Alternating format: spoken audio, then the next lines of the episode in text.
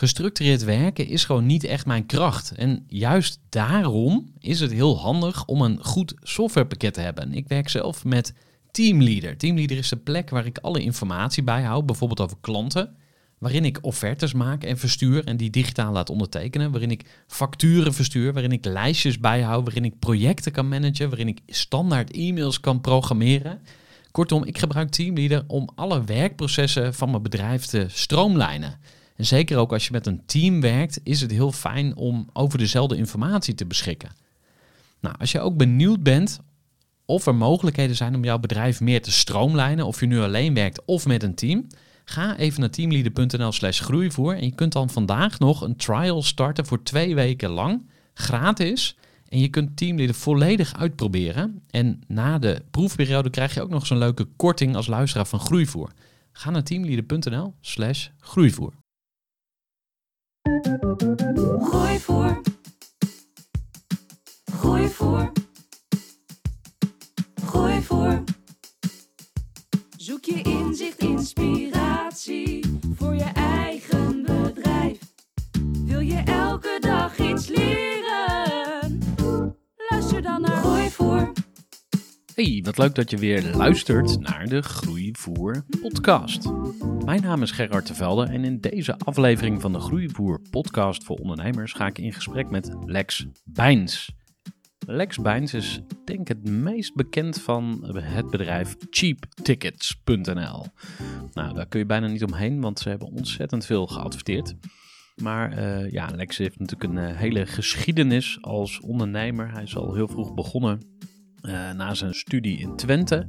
Zijn ouders zaten in de reisbranche, hij is daar zelf ook in beland, maar op een hele andere manier. Hij heeft de transformatie meegemaakt van de traditionele reisbureaus naar een volledig online verdienmodel.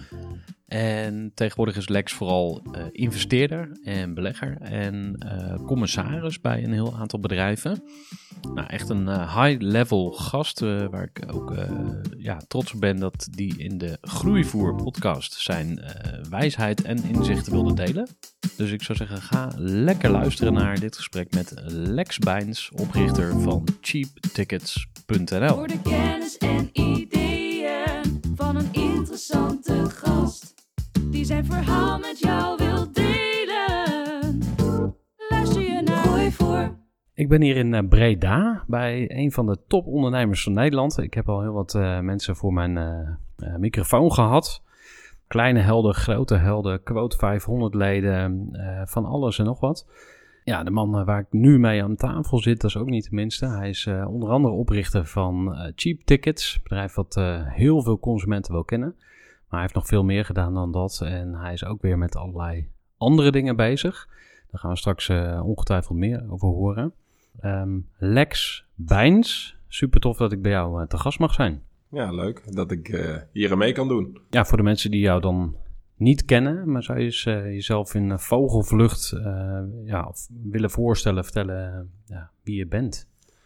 Nou, zoals je al zei, ik ben een van de uh, twee oprichters van Cheap Tickets. Alleen voordat we met Cheap Tickets uh, zijn begonnen, is er eigenlijk uh, al een behoorlijk verhaal gelopen, om het zo maar te zeggen.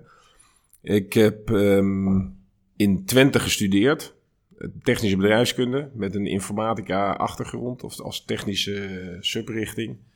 En ben daarna eigenlijk uh, in de reiswereld terechtgekomen en in de IT.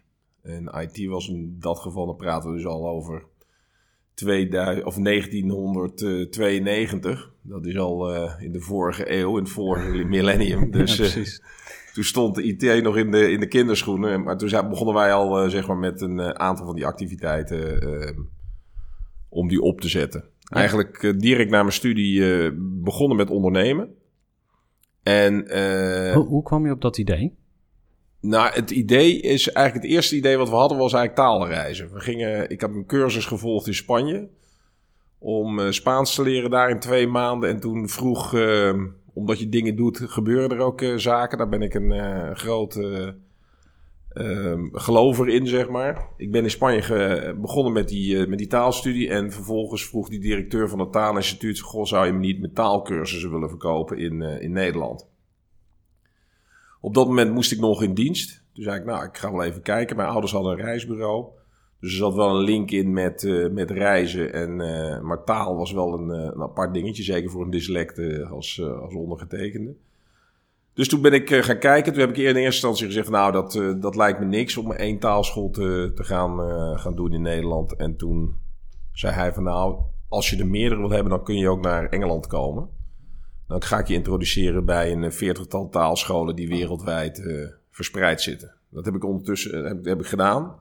Ik zat ondertussen in dienst. En in de diensttijd ben ik samen met mijn compagnon Tom Berends eh, gestart met eh, Lexton eh, taalreizen. En dat was eigenlijk de eerste stap die we hebben gezet. En van het een je dan weer in het andere. Het bleek namelijk dat die taalkursus, dat duurde even voordat we daar een bedrijf voor hadden waar we ons salaris uit konden, konden krijgen. En toen ben ik gestart op verzoek van mijn ouders om een pakketkeuze te doen voor een reisbureau software systeem.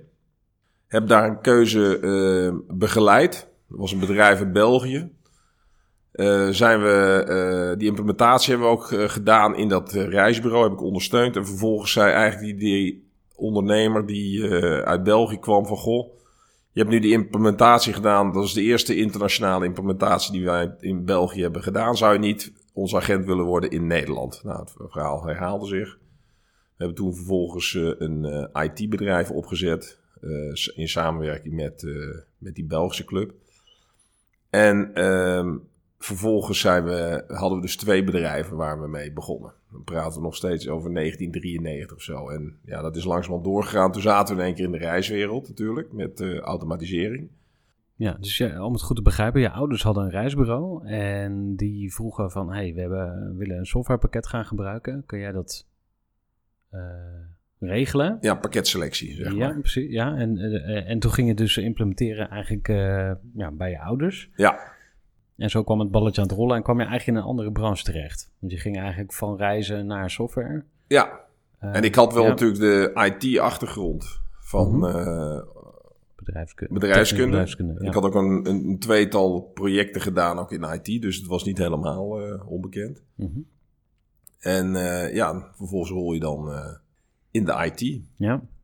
En dan krijg je de combinatie IT en, ehm, eh, en reiswereld. Wat eigenlijk een alfa en een beta wereld eh, is. Mhm. En eh, dan kom je gauw in een situatie terecht waarbij het, het, degene die één oog heeft, koning is. Ja. En eh, we zaten ook heel vroeg in de, in de wedstrijd natuurlijk. In eh 92 had- was er nog geen internet bijvoorbeeld. Dat was nog niet eh, uitgerold. Maar er toen ook nog sceptici die zeiden van, ah, dat internet dat gaat nooit wat worden. Of Ja. werd daarover gesproken.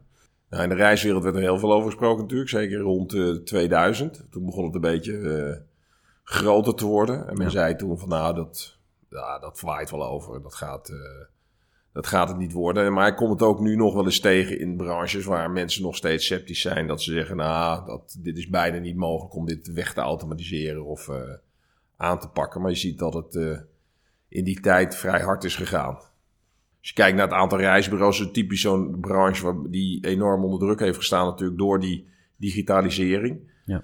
Toen wij begonnen, waren er denk ik 2500 reisbureaus. Dan praat je ongeveer in 1998. Ik denk dat we nu dik onder de 1000 zitten. Ja. Dus, en dat waren allemaal natuurlijk mensen met een winkel ergens in, eh, in den landen. En eh, ja, die winkels zijn er niet meer, zullen we maar zeggen. Die zijn allemaal verdwenen. En Ja. eh, dat, dat heb jij dus eigenlijk veroorzaakt. Of mede. Of jij was een van de eerste die daarmee bezig was met... Nou, wij waren, wij waren daar wel vroeg mee, ja. mhm. En mede veroorzaakt. Aan de andere kant kun je ook zien, kun je het anders zien. We zijn, ehm, we hebben in 1996 het reisbureau van mijn ouders overgenomen. Die, die stopten er toen mee. Die waren er uh, leeftijdstechnisch, zeiden ze nou, het is voor ons eh, genoeg geweest. Ehm, in die tijd waren reisbureaus nog zeer eh, interessant om over te nemen. Toen hebben wij eigenlijk dat reisbureau gekocht. Mede omdat er we A, dat zelf konden betalen. En B, wij zagen de technologie die we hadden ontwikkeld, wouden we eigenlijk in gaan zetten. Maar we liepen tegen, het, tegen sceptici aan. Ja. En zeiden, nou, dat, eh, die automatisering, dat gaat het niet zo worden, enzovoorts.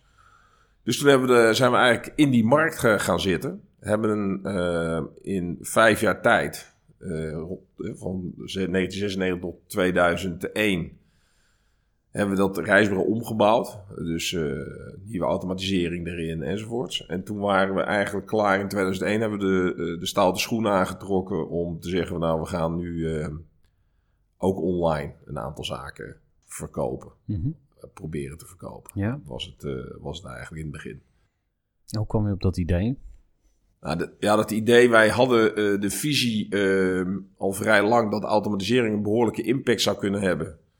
Ehm, in, in eerste instantie tussen het online kunnen boeken tussen een reisbureau en een touroperator. Daar hadden we al applicaties voor ontwikkeld. En toen kwam natuurlijk de ontwikkeling van internet, kwam daar, die liep daar parallel aan.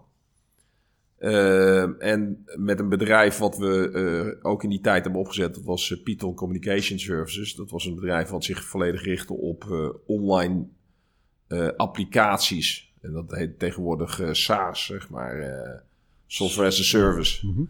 Ehm, dat deden wij in, in 1996, eh, waren we er al mee bezig in de reiswereld. Waarbij we applicaties verhuurden, zeg maar, aan touroperators en reisagenten. En die stap maakt het voor ons ook mogelijk om de volgende stap te zetten. Dus eigenlijk om richting een, eh, een OTA, een online travel agent, eh, te groeien met eh, de Bijns activiteiten, de reisbureau Bijns uit, uit Oosterhout Ja. Dus bestaat het bedrijf nog? bestaat nog steeds. Ehm, het, is, het was in de verkoop die we hebben gedaan. Want we hebben op een gegeven moment in 2011 hebben we een, een fusie semi-verkoop gedaan. Van onze activiteiten van cheap tickets eh, naar vliegwinkel en eh, budget air. En Vayama in, in Amerika. En daar is het bedrijf Traffics uit eh, voortgekomen. En wij hadden die eh, behoefte om dat te doen, omdat we zagen dat die markt heel snel begon te consolideren. Je moest internationaal snel stappen gaan maken en wij ons niet groot genoeg vonden. Financieel vooral. Onze concurrenten waren of beursgenoteerd. En dan kun je denken aan eh, de Expedia's van deze wereld, maar ook bijvoorbeeld eh, lastminute.com, Booking. Die waren natuurlijk in die, in die periode ook hard bezig. En toen hebben we gezegd, nou, om een eh, stap te zetten, die kunnen we zelf niet zetten als, als aan, kleine aandeelhouders, zullen we maar Mhm. zeggen. Daar heb je Ja. gewoon ander kapitaal voor nodig. En toen zijn we op zoek gegaan naar partners. En de, deze partners, en die partij zit er nog steeds in, BCD zit erachter, van Venter van Vlissingen. Ja. En het bedrijf bestaat er nog. De Ja. winkel bestaat overigens ook nog. Ook nog. Maar die is, daarna, zitten die? is van, daarna verkocht aan een eh, lokale ondernemer in, eh, eh, in Tilburg, Ja. Disma Travel. En recent is die eigenlijk overgenomen door TUI. Wat is jouw beste herinnering aan die begintijd? Ehm, nou, de beste, laat ik zo, wat het leukste is, denk ik, en ik, ik, ik kom veel ondernemers tegen, die begintijd is eigenlijk eh, pionieren.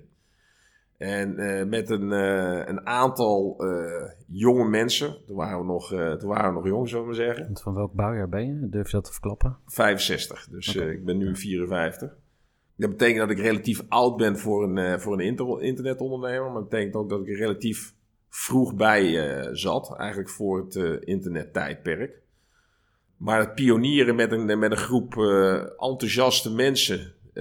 op, op nieuwe technologieën, op gebieden die enorm snel in ontwikkeling kwamen, is natuurlijk een fantastische tijd om mee te maken. En er zijn ook in de huidige tijd voldoende gebieden, denk ik, waar dergelijke situaties ook nu weer voorkomen. Ja, dus waar je echt eh, revoluties ziet in de markt, zeg maar. Waar je echt, en, waar, en waar je dus in kan stappen. Waar zich enorme kansen voor doen. Of, ehm, Ja. Kijk, eigenlijk waar, waar veranderingen ontstaan, want je, had het net, je zei net even, nou, je hebt eigenlijk die hele, die hele reiswereld gedisrupt.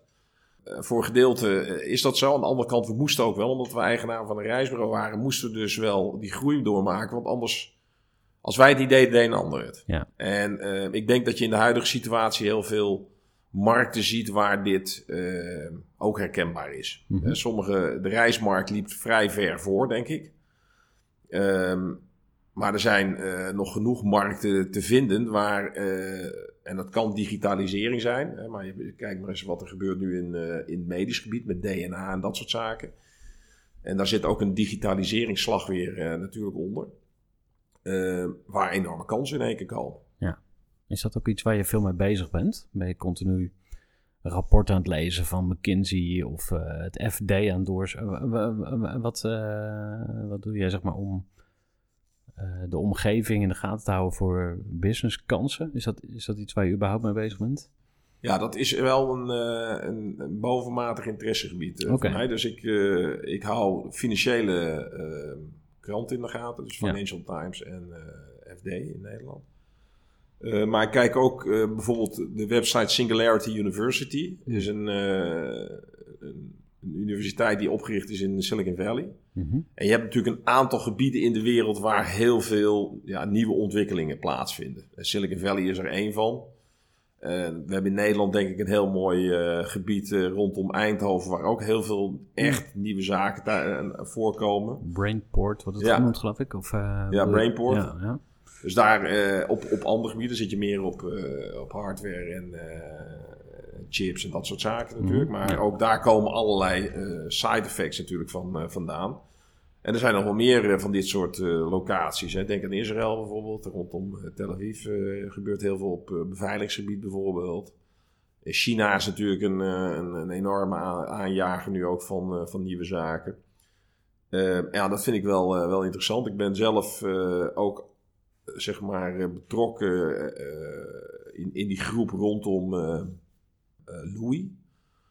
Louis is een, eh, een groep eh, eh, Leading Entrepreneurs of the Year, zeg maar. Dat is ooit opgericht door ehm, een aantal mensen die zeiden van... nou, we moeten eigenlijk die online ondernemers wat meer bij elkaar betrekken. En Ja. die heeft ook een aantal van die reizen, zeg maar, die ze, die ze doen. Ik ben er bij twee ben ik erbij geweest. Ja, dat geeft een enorme schwung en een enorme boost aan Ja. energie, zeg maar... om te zien wat daar allemaal gebeurt. Ja, tof.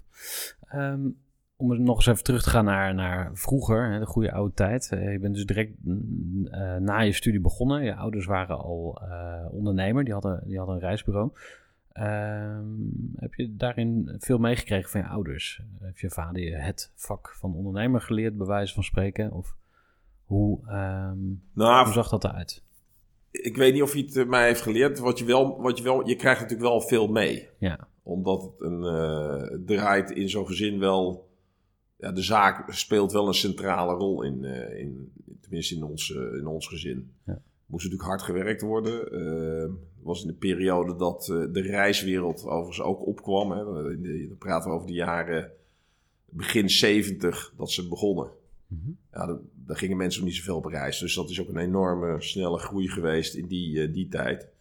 Dus ook toen gebeurden er allemaal nieuwe dingen die, eh, die bepaalde markten disrupten, om het zo maar te zeggen. en je ouders werkten allebei in de zaak? Ja, mijn moeder is eigenlijk begonnen. En, Oh, eh, mijn pa die zat ook in de, in de reiswereld. En eh, vervolgens is, eh, ja, moesten ze natuurlijk, want het begin is een beetje sappelen, heb je natuurlijk geen inkoop, moest allemaal maar verdiend worden. En mijn pa had toen een, een, een baan bij een reisorganisatie in Rotterdam. En die is op een gegeven moment ook overgestapt richting het eigen bedrijf in, in Oosterhout. En is er iets wat jij compleet anders doet dan je, je ouders deden? Want dat hard, hard werken, zeg maar, dat, dat heb ik al eens eerder gehoord ook. Dat het is misschien ook van een bepaalde generatie, maar had jij de, dezelfde insteek ook? Van gewoon knallen, veel uren maken? ehm, Ja, ik, laat ik zo zeggen. Ik, eh, het grote voordeel wat ik natuurlijk heb gehad is dat ik eh, de universiteit heb doorlopen eh, in Twente. Nou, dat heeft, eh, dat heeft mij in ieder geval veel gebracht. Eh, zowel aan kennis als aan, aan kennissen en, en relaties.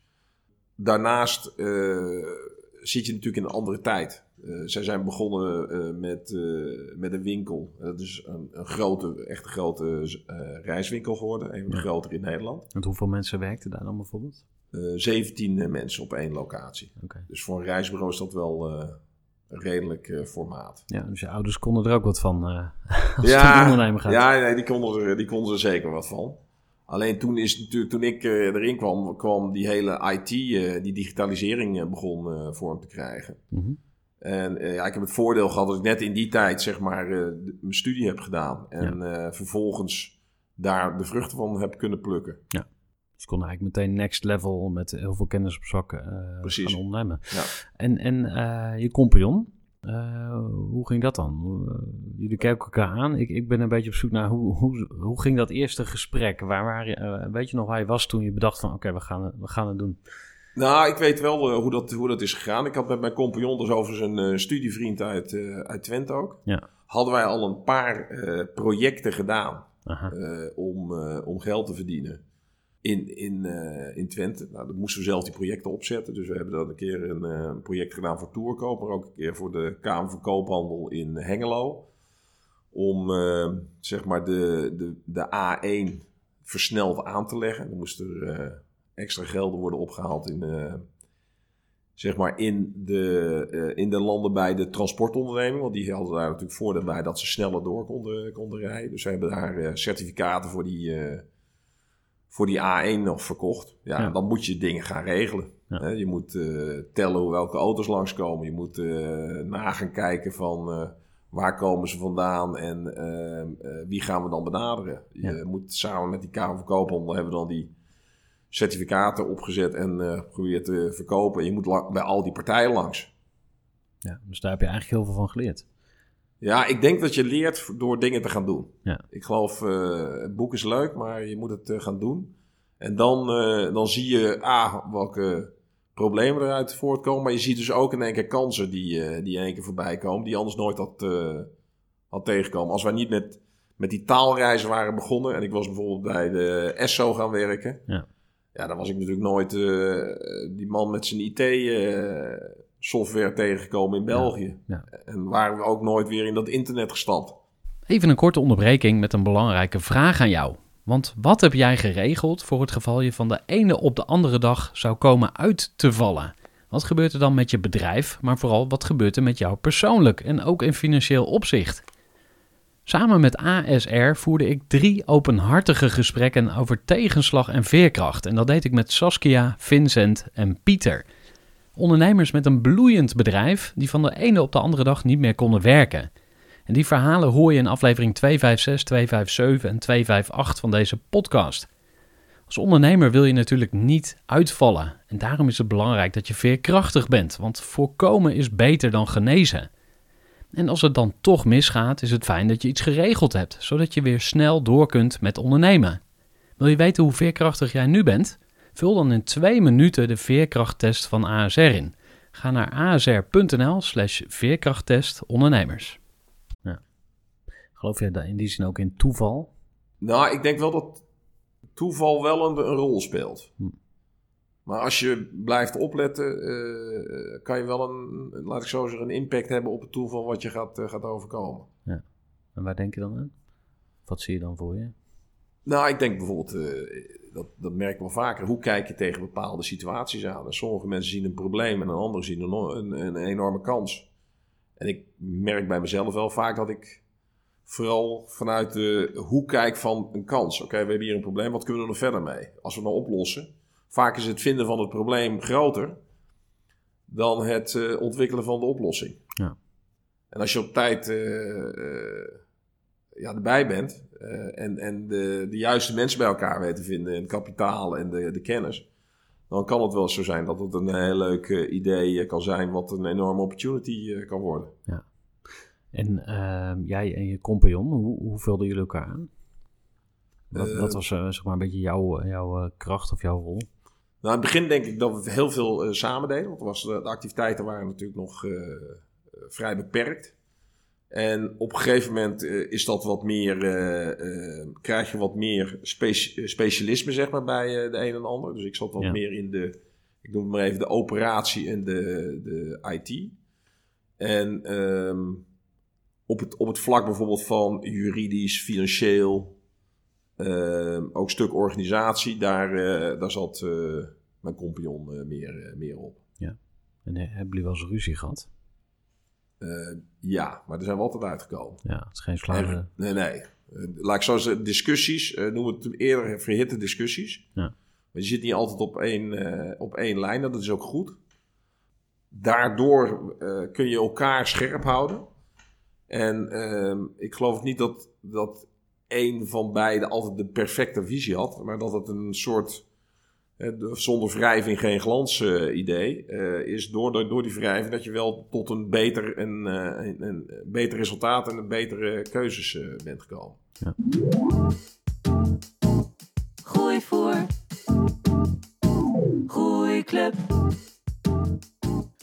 Ja, en ik hoop dat je al even lekker zit te luisteren naar dit gesprek met eh, Lex. En ehm, ja, ik wil je graag iets meer vertellen over groeivoer. Want groeivoer helpt ondernemers groeien. En dat kun je doen door met andere ondernemers te spreken. En daarom eh, ligt bij groeivoer heel veel nadruk op het samen met andere ondernemers stappen zetten in je bedrijf. En eh, ik heb daar de Groeiclub voor opgericht, de Groeiclub voor Ondernemers. Een soort mastermind voor ondernemers, waarbij je eh, elke week in een Zoom-call samenkomt met andere ondernemers die net als jij eh, bezig zijn met hun groei. En we komen ook één keer per maand live bij elkaar. En je kunt ook een gratis test ride doen. Daarbij kom je dan een keer langs als gast in een bijeenkomst van de Groeiclub online. Dus dan kun je ook je bedrijf pitchen. En dat is wel alleen bedoeld voor mensen met serieus interesse om lid te worden van deze mastermind. Vind je het interessant? Ga naar groeivoer.nl, neem contact op en misschien zie ik jou binnenkort in de testride bij de Groeiclub. En dan gaan we nu snel weer lekker verder luisteren naar Lex Bijns. Luister lekker verder naar Groeivoer. Want um, over bedrijfsgroei, heb je daar een bepaalde visie op? Hoe, hoe moet je een bedrijf laten groeien? Zijn er bepaalde uh, principes die, uh, die je hanteert? Nou, ik denk het belangrijkste uh, wat je nodig hebt voor, voor groei is een ehm, product of dienst wat door klanten afgenomen moet worden. Mm -hmm. en, en op termijn moet het zeker zo zijn dat die producten en diensten die je aanbiedt, dat die geld verdienen. Ik zie nog steeds hele grote bedrijven waar ze uh, ja, proberen de markt te pakken door het bijna gratis of, of anders weg te geven met het idee, we gaan nog wel uh, nieuwe verdienmodellen eraan toevoegen. Ja, dat komt nog wel. Ja, dat komt nog wel, maar die vind ik toch wel, uh, even vanuit een investeringsprincipe, vind ik die vrij risicovol. Mm -hmm. Er zijn wel een aantal partijen, zeg maar, die het is gelukt. Maar ik denk dat er veel en veel meer zijn geweest waar totaal een flop is geworden. Ja, want ik moet meteen aan Zalando denken. Is dat dan ja, misschien het meest be bekendste voorbeeld? Maar die hebben volgens mij ook jarenlang verlies gedraaid. Ik weet niet of ze nog steeds uh, of inmiddels geld verdiend wordt. Maar wat, wat zijn voorbeelden die jij kent? Nou, belangrijk voor, uh, is bijvoorbeeld Uber. Ja. Die uh, ja, toch nog steeds verlies maakt. Mm -hmm. en de vraag is wat gaat dat worden? Nou, ik denk dat er nog wel mogelijkheden zijn. Ze zijn natuurlijk echt heel groot.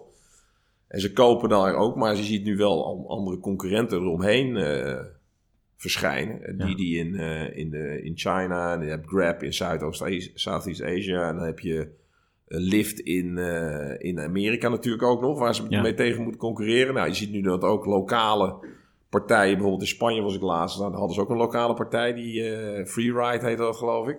Nou, die zijn ook weer met allerlei uh, vergelijkbare situaties bezig. Ja. Ja, en de vraag is natuurlijk dan, er zit zoveel geld al in. Het, is, het gaat er met, uh, met, met miljoenen en miljarden gaat het eruit. Ja. Is een, uh, is een dingetje. Dat is op, op kleinere schaal natuurlijk eigenlijk ook het, het geval. Ik denk, zeker voor, voor starters, denk ik dat het goed is om op beide benen op de grond te zijn. Er zijn niet zoveel van die partijen zoals een Uber, Airbnb, Facebook. Daar heeft iedereen het erover. Maar er zijn er maar enkele van. Ja. En de vraag is of die gaan ontstaan in een markt als Nederland. Nou, daar geloof ik dus helemaal niks van. Oké, okay, want. Want je moet een, ik, naar mijn mening moet je een grote markt hebben. Ja. Om een concept eh, neer te zetten waarbij dus... Uh, het voordeel bijvoorbeeld nou, in Amerika, daar heb je 320 miljoen uh, inwoners. Iedereen betaalt met de dollar. Alle, uh, de taal is, is Engels of Spaans, maar voor het overgrote gedeelte Engels. Dus je kunt daar relatief snel dingen uh, A testen uh, en B kun je hem uitrollen. Ja. Nou, als je in Nederland begint en je begint met Nederlands, dan weet je zeker dat je na 17, nou, neem de Belgen er ook nog bij, mm -hmm. doen er nog 6, dus na 23 miljoen mensen ben je klaar. Ja. En dan, dan stopt het, want dan moet je sowieso, uh, krijg je andere wetgeving, je krijgt andere currencies misschien. Hè? Want als je naar Engeland gaat, zit wel in pond. Ja. Je krijgt cultuurverschillen die ook behoorlijk zijn. Ja. Maar jouw eerste businesspartner, dat was een, een Belgisch bedrijf. Dus dat is al... Uh... Ja, voordat... Uh, het kan wel, maar... Voordat de euro ja. er nog was, hè. Toen, bel, oh, ja. toen betaalden ze nog in Belgische frangen. Ja, het zit al voor... Uh... ja. Maar en betekent dat dat jij, eh, maak even sprong naar, ehm, je bent nu investeerder. Ehm, ik vroeg van, oké, wat zijn je, je, je principes voor bedrijfsgroei? Je zegt van, je product moet in principe geld, geld verdienen, zeg maar. Hè? Dus je moet gewoon iets hebben waar, waar consumenten echt voor willen betalen of eh, eindgebruikers. Ja. Eh, waar, waar let je nog meer op als investeerder? Nou, dat het een product is wat in principe eh, internationaal uitrolbaar is. Ja. Dus het moet niet alleen voor Nederlanders interessant zijn, maar ook eh, ja, voor, voor Belgen, Duitsers, Amerikanen, Ja. Chinezen. Dus als je in, in dit soort, ik kan natuurlijk zeggen, ja, ik investeer in een eh, lokale winkel in, eh, in eh, Breda of in Amsterdam. Ja. Maar dat zijn over het algemeen niet de investeringen die, die dicht bij mij liggen. Ik zit wat meer in die IT. En, dus ik zit wel meer in die investeringen die wat groter, wat groter zijn, dus internationaler. Ja. Dan moet het eigenlijk schaalbaar zijn. Dus Ja. eigenlijk moet het zo zijn dat dat de, de kosten moeten eigenlijk afnemen naarmate de omzet toeneemt, Hm. percentueel. Je ziet soms ook wel eens bedrijven zeggen, nou prima, we hebben nu een fantastisch idee en nou gaan we het uitrollen.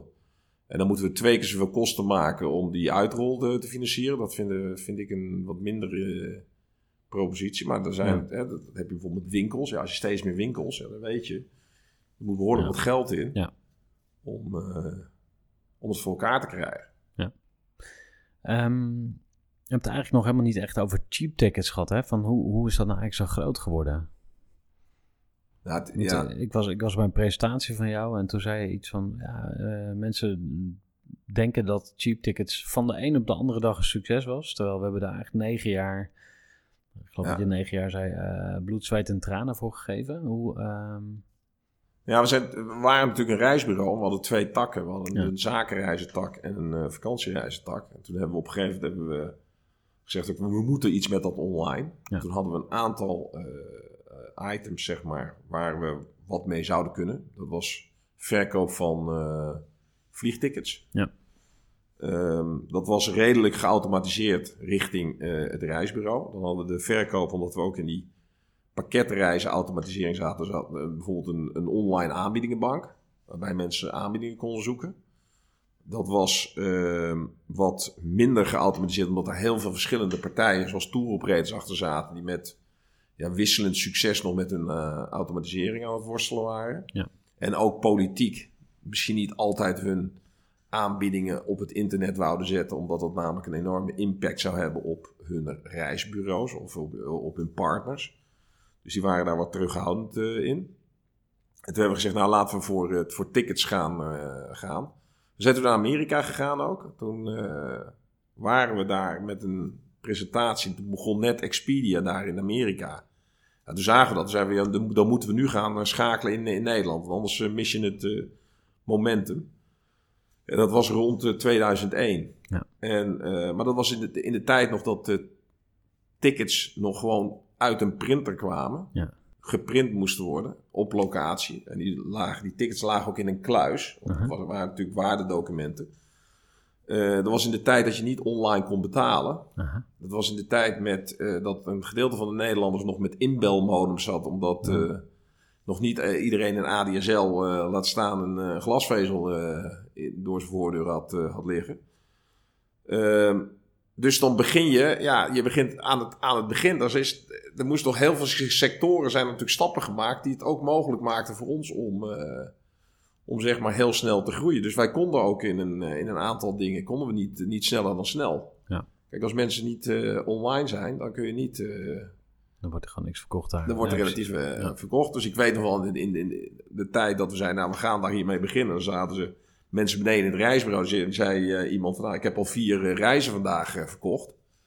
En een gemiddelde employee die doet er ongeveer 230 per jaar. Als het een beetje goed is. En eh dan stonden wij al te juichen als we er één, als we één ticket hadden verkocht, zeg maar, eh, op een dag. Zei, ja, dat levert toch helemaal niks op. Eh, Ja. dat, ik heb er nu al vier verkocht. Ik in mijn eentje. Jullie zijn daar met een paar man bezig en het, en het lukt niet. Ja. Ja, en een jaar later tikten wij er 30 per dag binnen. En, en, en over die aantallen gaat het. En dan vervolgens ja, was je natuurlijk de persoon aan de balie kwijt. Maar die efficiency die we daarmee kregen. Want met een paar mensen tikten we 30 per dag binnen. Maar dat was wel het hele jaar door. En dat was ook op de zondag. Ja. En ook op de zaterdag. Ja. En op een gegeven moment ga je dan naar, eh, naar 70, 80 eh, per dag. Ja. En dan begint, dan begint het wat te worden. En toen zeiden we, nou als we dit halen, we kunnen het een beetje normaal doen, dan gaan we nu op tv. Aha. Ja, toen hebben we dus eh, de stap gezet. En tv was toen nog het medium waar je fors op kon adverteren. Ja. En dat kost natuurlijk heel veel geld, maar het maakte ook direct het verschil. Of als je op tv was, dan was je wel een, een brand. Dan Ja. alleen de grotere brands zaten, daar, eh, zaten daarop. Ja. Dus toen zijn we op, op, op tv, radio, op de palen, zeg maar, langs de snelweg zijn we gaan, gaan staan. En toen heeft, zeg maar, Cheap Tickets... eh, aan de marketingkant hebben we dat toen, goed neergezet. Maar zeker zo belangrijk ook aan de achterkant. Is dat die, eh, dat die machine kon blijven lopen. Dus we hebben geïnvesteerd op een gegeven moment. We waren de eerste in, misschien wel in de wereld, dat weet ik niet. Maar in ieder geval zeker in Nederland. Die volledig geautomatiseerd. Dus als je een, een, eh, een, een boeking had gemaakt. Koos een ticket van eh, Amsterdam naar Londen bijvoorbeeld. Ja. Dan kon je die betalen. En als je de betaling had gedaan, dan kwam ook automatisch het ticket eruit. Nou, normaal viel die in een bak en dan moesten mensen nog allerlei checks, gaan, checks en balances gaan doen. Of die wel afgegeven kon worden, of het, of het de juiste bedrag er wel op stond enzovoorts. En dan kwam het mailtje, als je dat s'nachts eh eh geboekt had, dan kwam het mailtje de volgende morgen. Als iemand er weer eh, de bak ging legen, bij wijze van spreken. Nou, dat hadden wij volledig geautomatiseerd. Dus dat betekent dat je een enorme slag kan maken in je efficiency. Ja. En ook in de beleving van de klant. Want die betaalt en die krijgt direct binnen twee minuten. Ja, iedereen vindt het nu normaal, maar dat was toen nog niet. Binnen twee minuten had je, had je het liggen, had je je e-mail met je reservering en alles was, was geregeld, zeg maar. Ehm, heb je wel eens overwogen om dan toch eh, weer verder te gaan eh, in die hoek, zeg maar? Want eh, ik moet even denken aan het verhaal van ehm drukwerkdeal. Volgens mij die oprichter Ja. die heeft zich op een gegeven moment de tent verkocht en die is daarna print.com begonnen. Ja. Dus die ging eigenlijk gewoon een soort opnieuw beginnen. Is dat in je opgekomen? Of je, je hebt een andere weg gekozen, min of meer? Ja, wij, nou, wij hebben natuurlijk altijd al met, met mijn compagnon eigenlijk in verschillende branches gezeten. Ja, Want zeiden wel eens, ja, je bent in, in de reiswereld, maar dat had ook, dat had ook iets anders kunnen zijn eigenlijk. Hè? Dus die IT, dat is wel een beetje een rode draad in de automatisering en online. Ja. En toevallig is het, eh, is het de reiswereld geworden, omdat we daar, eh, we zaten daar dichtbij en we zijn erin ook, eh, ook ingerold. Ja. Ehm, ik zou dat zelf niet, niet direct mee doen, omdat ik namelijk geloof dat het momentum voor de reiswereld, dat hebben wij ge- met een beetje geluk hebben we dat gepakt. En misschien ook wel mede gecreëerd. Maar die, die reiswereld ziet er nu anders uit. oké. Dus je moet echt met iets totaal anders komen om, eh, om daar nog zo'n slag. De, je ziet het ook. Het aantal reisbureaus neemt niet toe, maar ook het aantal online eh, aanbieders, ja, die, dat is ook aan het, aan het veranderen. Ja. Eh, tour operators nemen, nemen af. Mensen gaan rechtstreeks boeken. Dus dat hele consumentengedrag is wel anders aan het worden. Hm. Een van de grote dingen die, die nog daarna zijn gebeurd, is denk ik eh, Airbnb. Ja. Met een wel een totaal ander eh, businessconcept, zeg maar. Mhm. En ehm, kan je nog de dag herinneren dat, eh, dat geld allemaal op je rekening werd bijgeschreven? ik moet eerlijk zeggen, ik heb, dat klinkt misschien een beetje raar, maar ik heb nooit, eh, wij zijn gaan ondernemen, niet omdat we voor het geld eigenlijk. Mhm. Want als ik het voor het geld was gegaan, dan ging ik bij Esso werken. Het, het risico wat we namen eigenlijk om voor onszelf te beginnen, eh, was vele malen groter dan, eh, dan een fantastische baan met een, eh, die, die kon ik krijgen en Ja. die aanbieding had ik ook. En dan kon ik ook nog een auto bij en noem maar op. Ja. En dat was toen in die tijd. Gespreid beetje, zeg maar. Ja, dat had natuurlijk een keuze kunnen zijn. Alleen ik ben ook toen ik, ik ben in dienst eh, geweest. Ik heb bij DAF gewerkt en bij Fokker. En dat waren allemaal vrij grote clubs. Kijk, tegenwoordig is het relatief ja, eh, normaal of in ieder geval eh, cool om voor jezelf te beginnen. Dat was in die tijd was dat niet. Nee. Je was eigenlijk gek als je voor jezelf begon. verklaard, ja, ja, je kunt, waarom ga je voor jezelf beginnen, man? Het is... eh, het was ook niet heel makkelijk om altijd een, een goede baan te vinden. Nou, dan had je een goede opleiding, je kunt een goede baan, ga je voor jezelf beginnen. Ja. Dat was eigenlijk niet de situatie die, die vaak voorkwam. Hm. Maar ik heb er nooit spijt van gehad. En dat het, en dat het eh, succesvol is geweest in de zin van dat het eh, geld heeft opgeleverd. Ja. Ja, dat is een, een plezierige bijkomstigheid, maar dat was niet het, eh, het doel. Nee. Ehm, ehm, Je noemde ook even Singularity University. Ja. Kun je daar nog eens wat over vertellen? Singularity University is dus een, een initiatief wat een, een paar mensen hebben genomen in Silicon Valley. Met het idee om eigenlijk die technologie die er eh, op verschillende vlakken. Dus het gaat niet alleen over IT, maar het gaat ook over DNA. En het gaat over robotisering. En het gaat over 3D printing. En dus wat voor impact dat zou kunnen hebben op eh, grote problemen zeg maar, die we in de wereld hebben. Waarbij ze eigenlijk zeggen van nou, er is al heel veel uitgevonden. Ja. Maar je moet het eigenlijk gaan toepassen. En eh, ja, door toe te gaan passen, wat, wat kan je er dan, eh, wat kun je dan eh, krijgen? En ze hebben dat, die universiteit hebben ze eh, opgezet. En ze zijn eigenlijk mensen vanuit totaal verschillende hoeken bij elkaar gezet in, om, om oplossingen voor bepaalde problemen te krijgen. Ja. En dan moet je denken aan bijvoorbeeld, je kan een arts hebben en een machinebouwer en een ingenieur en een financieel persoon en ja, you name it. Ja.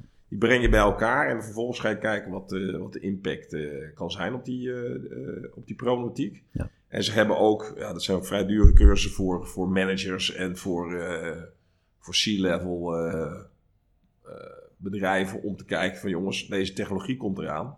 In hoeverre wordt eh, je bedrijf of je bedrijfsproces gedisrupt door dit soort nieuwe technologieën? Ja. Nou, dat is natuurlijk enorm interessant op het moment dat, eh, dat je daarmee bezig kan zijn.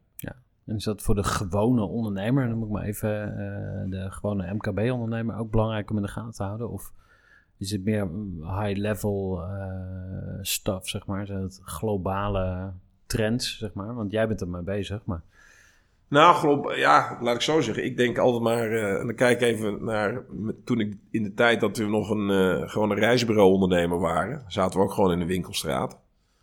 En wij hebben er wel wat aan gehad, want wij zagen namelijk dat eh, wij toevallig in de business zaten. Toen was Singularity er overigens nog niet, maar toen zagen we wel dat op het moment dat dit doorgaat, eh, kan je hele winkel eh, wegvallen. Ja. Of ik kan ook in één keer vanuit Oosterhout mensen in Groningen tickets gaan verkopen. Ja. Want er zijn natuurlijk twee kanten aan. Hè? Het kan een bedreiging zijn of een kans. Ja. En ja, het heeft mij altijd persoonlijk geïnteresseerd wat er, eh, wat er allemaal eh, gaande is in, de, in deze wereld. Ja. En, er ga, en er gebeurt natuurlijk heel veel. En, en sommige vlakken eh, heeft, heeft weinig impact op je, op je bedrijf. Ja. En andere heeft wel impact op, op bedrijven. Hè. Een van de dingen bijvoorbeeld, kijk nou naar accountant. Je hebt nu dat hele bit, bitcoin. Nou, dan kun je zeggen, bitcoin, wat is het? Maar je hebt ook dan blockchain. Maar die, die technologie die daaronder zit, die blockchain technologie, die kan wel impact hebben op bedrijfsprocessen, zoals bij eh, accountants, maar ook bij eh, kadaster. eh, Mhm. de Nederlandse bank misschien. mensen die leningen uitgeven, dat soort, dat soort situaties. Ja. Doordat die technologie, en als die wijd omarmd wordt, ja, dan kan het nog wel een behoorlijke impact hebben op jouw toekomstige baan. Dus eh, je kan ook gaan zeggen, nou, ik word accountant, maar ja, neem je dan nu nog de goede keuze? Ja. Hebben daar nog wel heel veel mensen voor nodig straks, over, over tien jaar? Ja. En ik weet nog dat ik in, in de reiswereld zat, dus naar reisbureaus, toen waren er echt waren er heel veel mensen werkten daar in reisbureaus. Nou, dat Ja. is nu allemaal weg. Je zou nu maar opgeleid worden als, als reisbureau-assistent. Nou, dat zijn er niet zoveel meer die we, dan die we nodig hebben. Hmm. Dus in het onderwijs kom je dit tegen. Je komt Ja. het tegen bij eh, iedereen die een, een keuze moet maken voor wat voor, eh, bij wat voor bedrijf ga ik stage lopen. Nou, dan kun je bij een bedrijf gaan stage lopen die waarschijnlijk over tien jaar niet meer bestaat. Of je kan zeggen, nou, ik ga toch even bij een, eh, een 3D printing eh, club zitten. Want de kans dat die er nog wat aan ontwikkeling gaat doen, is wat groter Ja. misschien. Want zie als je een beetje in de toekomst gaat kijken, hè, want dat doe je natuurlijk ook, van wat, wat zullen de trends zijn? Eh, zijn er volgens jou branches die echt nog compleet op de kop gaan, die helemaal eh, gaan veranderen? Of waarvan jij het verwacht? Nou, ik denk, laat ik zo zeggen, dat eh, de hele financiële branche, die wordt natuurlijk nu zit er zwaar weer. Oké. Maar dat gaat volgens mij nog harder. Hmm. Op allerlei vlakken. Zowel voor die modellen die onder druk komen te staan enzovoorts. Kijk eens wat er gebeurt op het gebied van payments bijvoorbeeld alleen al. Mhm.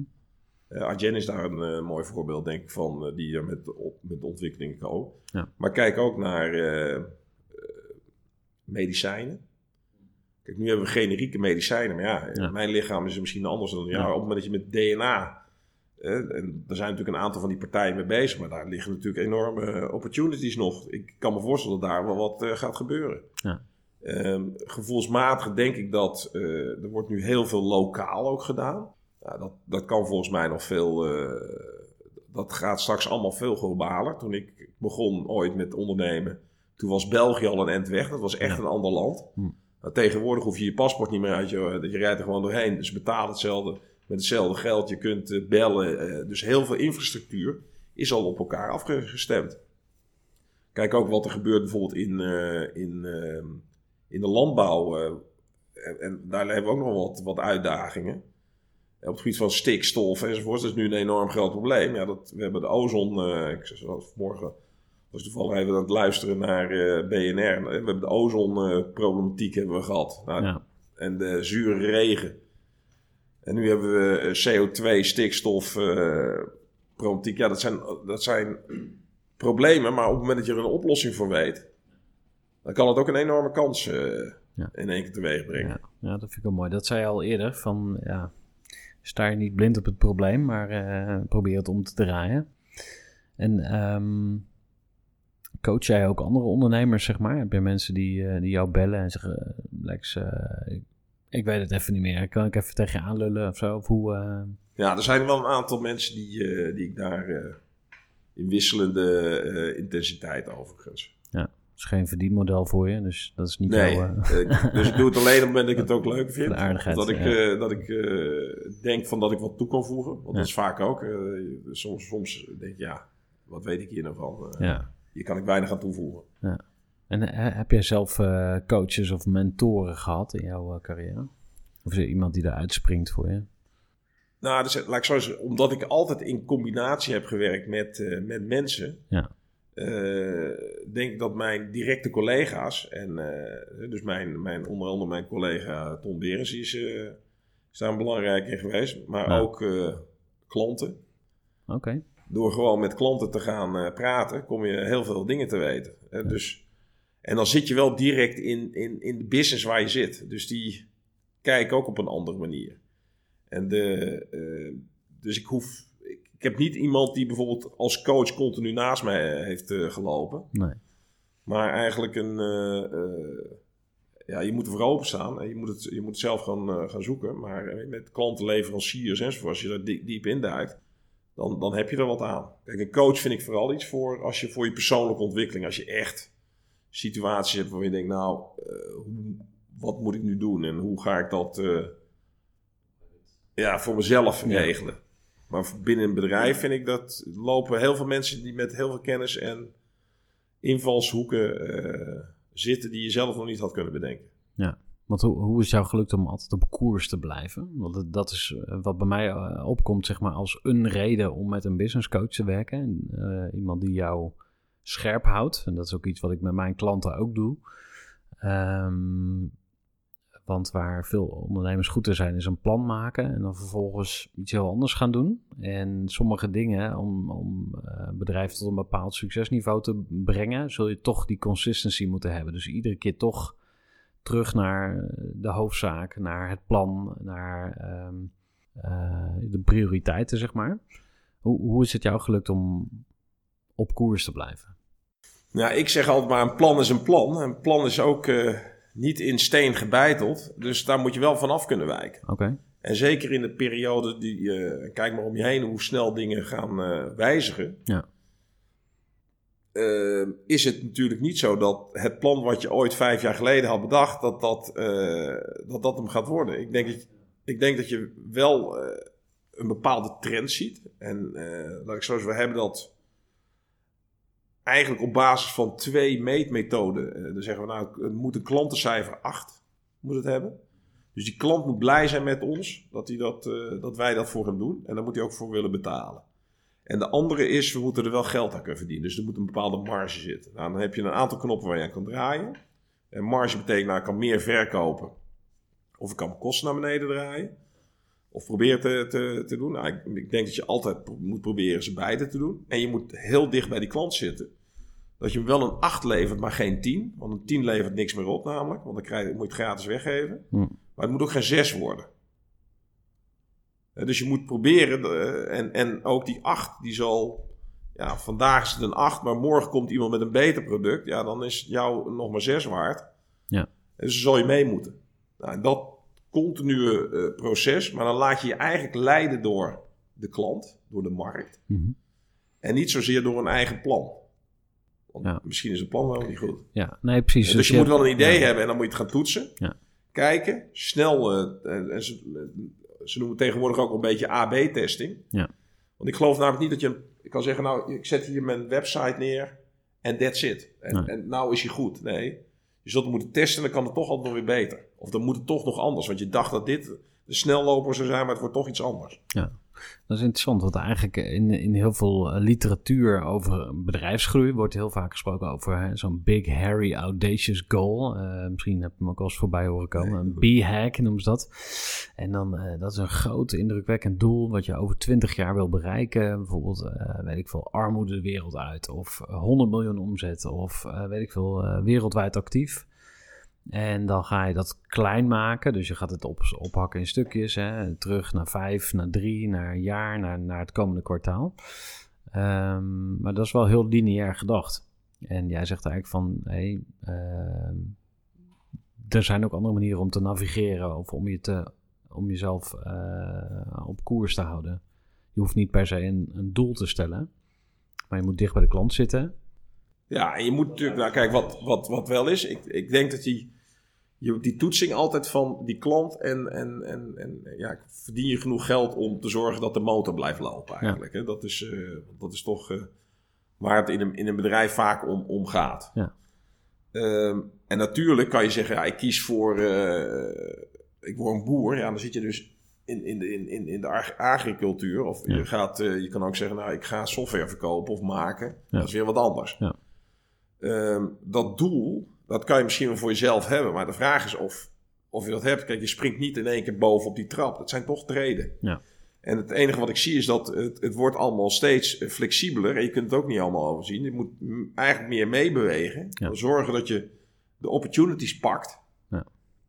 En dan komt er vanzelf iets uit waarvan je van tevoren niet had gedacht dat, dat je daaruit zou komen. Toen ik ooit met, met taalreizen begon, eh, kon ik me niet voorstellen dat ik nu in eh, wealth management eh, reporting systems zit. Ja. Wealth Management Reporting Systems. Ja, dat is dan ook. Nou, maar dat is weer iets totaal. Of dat ik eh, onderdeel zou zijn van een raad van commissarissen. Was, Ja. was dat het totale doel? Nee. Nee. Kwam langs, leek me leuk. Ja. Het bleek dat ik wat toe kon voegen. Nou, Ja. prima. Dan hebben we een combinatie en dan gaan we het doen. En als het niet goed is, nou, dan gaan we het anders doen. Wat, wat is jouw beste groeitip voor ondernemers? Als je zegt van ik wil mijn bedrijf naar het volgende niveau eh, helpen. Wat, eh, waar moet je dan mee beginnen? Ja, laat ik zo zeggen. De, over het algemeen, wat leidt tot meer groei, is zorgen dat je je kosten heel laag houdt. En zoveel mogelijk wat je daarmee bespaart, eh, inzet in marketing. Tenminste, dat was bij Cheap Tickets wel het geval. Eh, Door elke dubbeltje wat we aan de uit kosten konden besparen, dus meer efficiëntie, eh wegautomatiseren enzovoorts, konden we steken in marketing. En in die markt werkt dat. Hoe meer marketing je doet, Ja. hoe meer eh, bekendheid we kregen, hoe meer eh, mensen op onze website eh, kwamen en hoe ja, meer we konden verkopen. Maar dat werkt niet in elk, eh, in elk bedrijf werkt dat. Dus het, Nee. dit vind ik vrij ingewikkeld. Dat zal je per Ja. businessmodel en per markt moet je dat even bekijken. Ja. Van wat de drivers zijn van die groei. Ja. En als je het niet weet, ja, dan moet je even met een aantal mensen gaan praten, denk Ja. ik dan. Nou, ik ben een beetje op zoek naar de methode Bijns. Hè? Dus wat, wat kunnen mensen dan van jou, eh, van jou leren? Hoe, hoe ga je te werk inderdaad? Ja, dat is een eh, leuke vraag die je stelt. Ik, eh, op een gegeven moment vallen de puzzelstukjes zeg maar vaak in elkaar. Dus ik moet er soms een paar nachten even over slapen. Ja.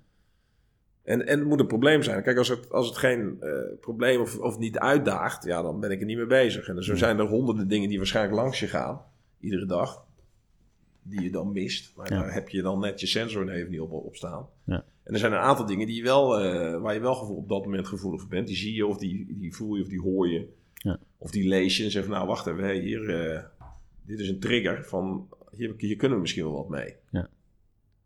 En dan Dan ga je, ga je ja, inlezen, dan ga je met mensen erover praten, dan eh, gooi een keer een balletje op en dan kijk je of erop wordt geslagen. En dan denk je, hé, hey, dit kan wel eens wat worden. Ja. Ga je dan ook heel stapsgewijs te werk, zeg maar? Want dat, dat hoorde ik laatst van eh Startup Bootcamp in Amsterdam. Hè? Die hebben ook zo'n Mhm. hele methodiek.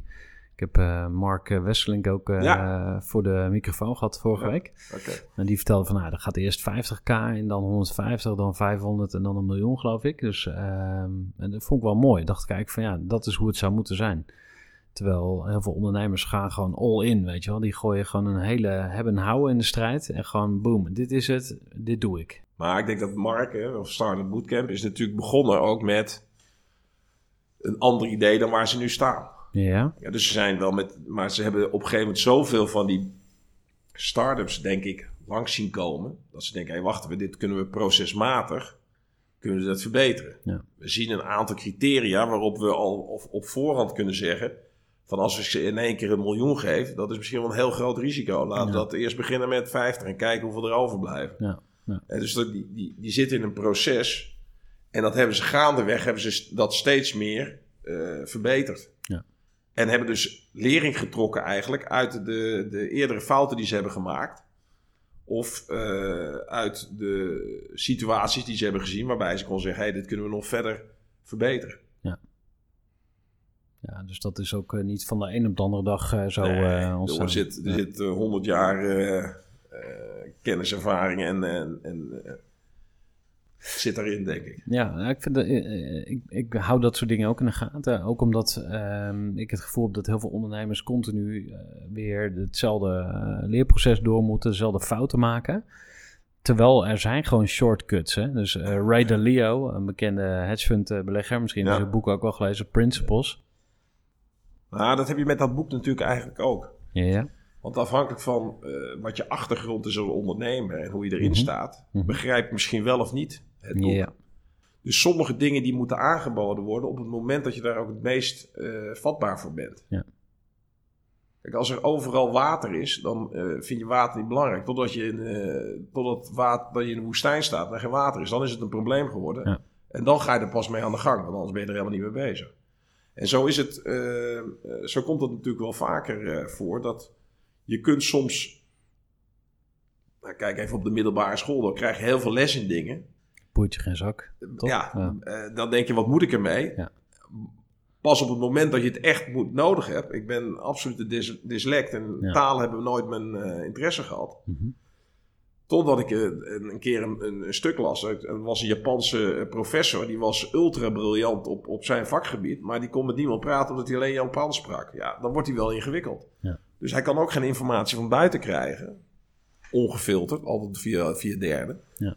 Hè, dus boek lezen kon niet, want dat, eh, dat was... Dat was eh, ja, nu tegenwoordig kan je die, die vertalers misschien Ja. aanzetten, maar die zijn ook nog niet eh, ultra briljant. Maar dus je bent dan wel afhankelijk van, eh van derden. Dus het, de, er is ook een, moet ook een bepaalde noodzaak zijn dat je het Ja. oppikt en dat je er wat mee gaat doen. Een van mijn laatste vragen is eigenlijk altijd ehm, inspiratiebronnen. Heb jij mensen waarvan je denkt, die, die moet je echt gaan checken. Dat is echt een interessante persoon. Hou, die eh, in de gaten voor de luisteraars. Nee. Niet, eh laat ik zo zeggen, ik weet.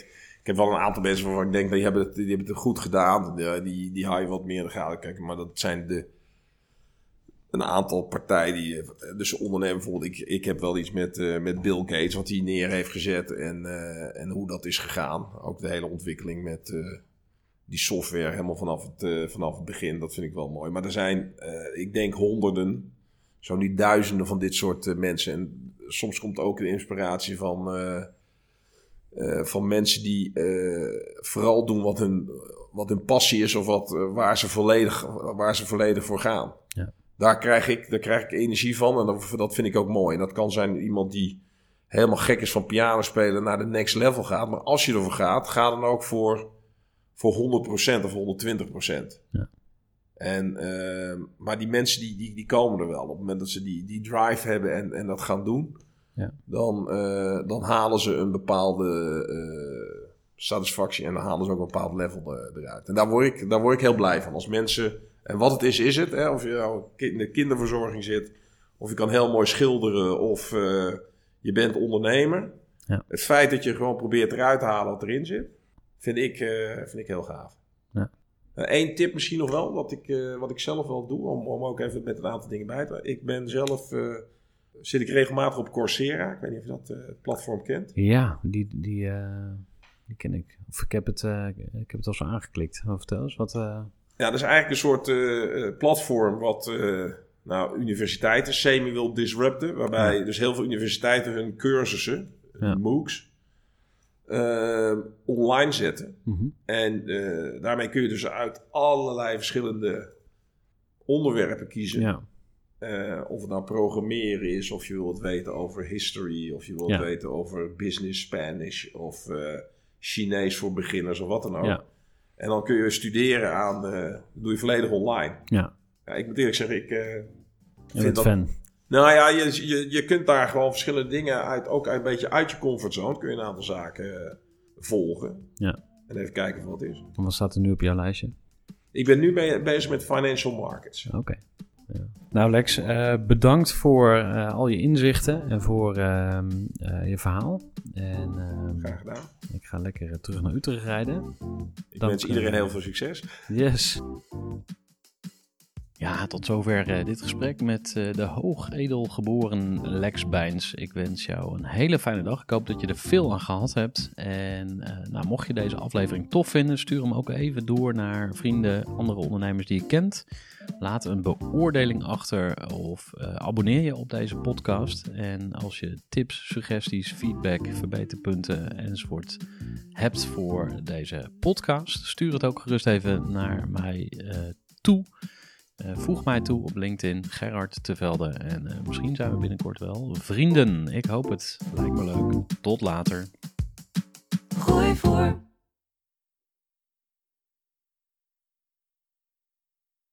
Gestructureerd werken is gewoon niet echt mijn kracht. En juist daarom is het heel handig om een goed softwarepakket te hebben. Ik werk zelf met Teamleader. Teamleader is de plek waar ik alle informatie bijhoud, bijvoorbeeld over klanten. Waarin ik offertes maak en verstuur en die digitaal laat ondertekenen. Waarin ik facturen verstuur, waarin ik lijstjes bijhoud, waarin ik projecten kan managen, waarin ik standaard e-mails kan programmeren.